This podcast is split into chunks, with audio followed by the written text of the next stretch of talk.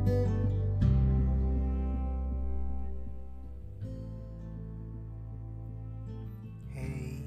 how was your night? Did you sleep well? Ayo bangun, sudah pagi. Nikmatin suasana pagi ini. Embun bersahaja, sinar matahari yang masih sembunyi.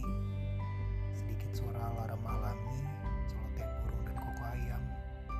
Dan yang pasti, khas pagi hari. Gimana? Apa agenda untuk hari ini? Sudah tahu kan harus ngapain? Jangan bilang masih bingung hari ini harus mulai dari mana. Gak apa-apa sih sedikit bingung. Mungkin memang sebanyak itu tuntutan yang ada. Tahu kan harus apa ketika bingung? Hal pertama,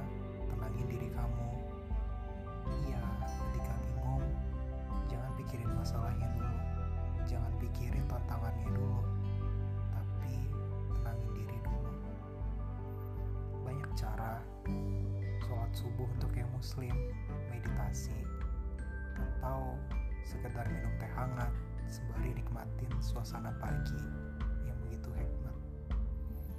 Oh iya, jangan lupa selesaiin masalah pertama kamu. Masalah pertama di setiap pagi hari. Rapihin tempat tidur.